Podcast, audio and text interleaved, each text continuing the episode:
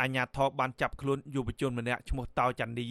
បញ្ជូនទៅសាកសួរនៅស្នងការដ្ឋាននគរបាលរាជធានីភ្នំពេញនៅថ្ងៃទី24មិនិនា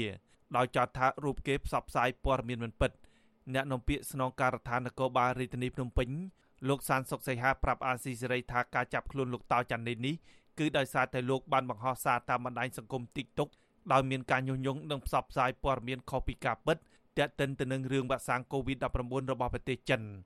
លោកបញ្ជាក់ថាប៉ូលីសក្រុងនឹងបញ្ជូនយុវជនរូបនេះទៅសាលាដំបងរាជធានីភ្នំពេញក្នុងពេលឆាប់ៗនេះ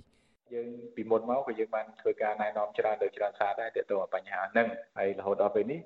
ទាក់ទងច្បាប់ក៏យើងចេញមកដែរអញ្ចឹងក៏យើងត្រូវតែអនុវត្តដើម្បីពង្រឹងការងារហ្នឹងដើម្បីឲ្យមានស្ថានភាពមួយគឺវាឲ្យវាស្ងប់ស្ងាត់ក្នុងការគ្រប់គ្រងព្រោះរដ្ឋាភិបាលគឺគាត់ផ្ដោតសំខាន់ណាក្នុងការធ្វើម៉េចឲ្យ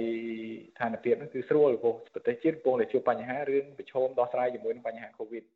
យុវជនតៅចានីអាយុ28ឆ្នាំរស់នៅរាជធានីភ្នំពេញលោកត្រូវបានអាជ្ញាធរចាប់ខ្លួនក្នុងអំឡុងពេលបើកបរឡានដឹកទំនិញ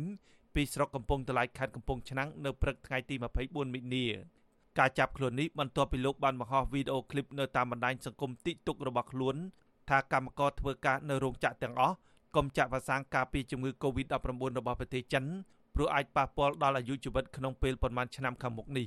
គឺថាវីដេអូហ្នឹងផ្ញើជូនទៅដល់កម្មកររោងចក្រទាំងអស់បើសិនយើងទទួល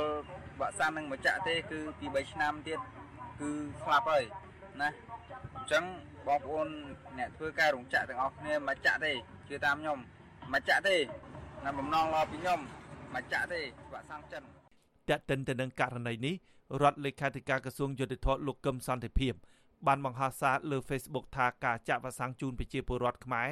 ជាវិធានការមួយនៃវិធានការក្រសួងសុខាភិបាលដែលបានដាក់ចេញដោយអាជ្ញាធរមានសមត្ថកិច្ចលោកថាការរារាំងមិនឲ្យប្រជាពលរដ្ឋទៅចាក់វ៉ាក់សាំងនោះគឺជាអំពើល្មើសច្បាប់ច្បាប់ដែលកងសីក្រសួងយុតិធធរូបនេះលើកយកមកនិយាយនោះគឺច្បាប់គ្រប់គ្រង COVID-19 ដែលរបបក្រុងភ្នំពេញធ្វើឡើងយ៉ាងតក់ក្រហល់កាលពីពេលថ្មីៗនេះក្រោមច្បាប់នេះយុវជនតៅចាន់នី ដែលជាអ្នកបើកបររថយន្តដឹកទំនិញរូបនោះអាចប្រឈមមុខនឹងការជាប់ពន្ធនាគារពី6ខែដល់3ឆ្នាំនិងរងពិន័យរហូតដល់10លានរៀលគឺប្រហែល2500ដុល្លារសហរដ្ឋអាមេរិកអ្នកលេង Facebook មួយចំនួនបានរិះគន់ការចាប់ខ្លួននេះថាជាការបោះសម្អាតសម្លេងអ្នករិះគន់របស់ប្រជាពលរដ្ឋពួកគេថាអាញាធរគួរទៅហៅយុវជនរូបនេះមកអប់រំនិងណែនាំមិនមែនចាប់ខ្លួនរូបគេដាក់ពន្ធនាគារបែបនេះឡើយ មន្ត្រីសិទ្ធិមនុស្សក៏យល់ឃើញស្តៀងគ្នានេះដែរប្រធានផ្នែកសិទ្ធិមនុស្សនៃសមាគមសិទ្ធិមនុស្សអាត់ហុកលោកនីសុខាយល់ថារឿងនេះអាញាធរគួរតែណែនាំដល់យុវជនតៅចាន់នីរួចដោះលែងគេឲ្យមានសេរីភាពវិញដោយមិនត្រូវបញ្ជូនទៅតុលាការនោះទេ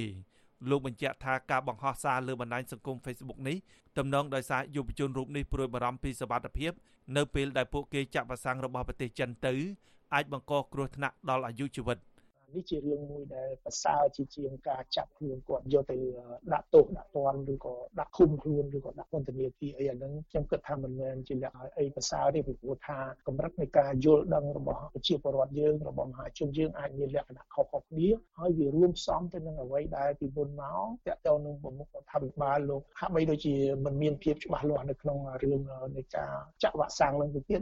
ឃើញធ្វើឲ្យមហាជនអាចមានការយល់ច្រឡំទៅលើបញ្ហាហ្នឹងដែរអញ្ចឹងយើងយើងមិនគួរណាដែលទៅចាប់ទោសអូដំណើរនៅក្នុងរឿងហ្នឹងទេចាប់តាំងពីរបបក្រុងភ្នំពេញទទួលបានជំនួយវ៉ាក់សាំងការពារជំងឺ Covid-19 របស់ប្រទេសចិន Sinopharm មកចាក់ជូនប្រជាពលរដ្ឋខ្មែរក្នុងរយៈពេល7ខែមកនេះអាជ្ញាធរបានចាប់ខ្លួនប្រជាពលរដ្ឋចំនួន3នាក់ហើយដែលរិះគន់អំពីគុណភាពវ៉ាក់សាំងរបស់ប្រទេសចិននេះកាលពីថ្ងៃទី28កុម្ភៈតឡាការរាជធានីភ្នំពេញបានឃុំខ្លួនសកម្មជនគណៈបកសង្គ្រោះជាតិ2នាក់ គឺយុវជនធុនចន្ទថានិងលោកស្រីមីសុភ័ណ្ឌនៅក្នុងពន្ធនាគារព្រៃសរដោយចោទប្រកាន់ពីបទញុះញង់បង្កភាពវឹកវរធ្ងន់ធ្ងរដល់សន្តិសុខសង្គមពាក់ព័ន្ធទៅនឹងរឿងបង្ហោះសារលើបណ្ដាញសង្គម Facebook រីគុណរដ្ឋាភិបាលអំពីយុទ្ធនាការចាក់វ៉ាក់សាំងរបស់ចិន Sinopharm ដោយពុំមានការទទួលស្គាល់ត្រឹមត្រូវពីអង្គការសុខភាពពិភពលោក សង្គមស៊ីវិលជាតិនិងអន្តរជាតិរួមទាំងក្រុមអ្នកជំនាញសិទ្ធិមនុស្សអង្គការសហប្រជាជាតិបានថ្កោលទោសចំពោះការចាប់ខ្លួននេះ ថាជាការរដ្ឋបတ်សេរីភាពសម្ដែងមតិរបស់ពលរដ្ឋហើយស្នើឲ្យរបបលោកហ៊ុនសែនទម្លាក់ចោលការចោទប្រកាន់និងដោះលែងពលរដ្ឋទាំងនោះឲ្យមានសេរីភាពវិញដើម្បីអាចជៀសផុតពីការដាក់ទណ្ឌកម្មរបស់សហគមន៍អន្តរជាតិខ្ញុំបាទហេងរស្មី អាស៊ីសេរីពីរដ្ឋធានី Washington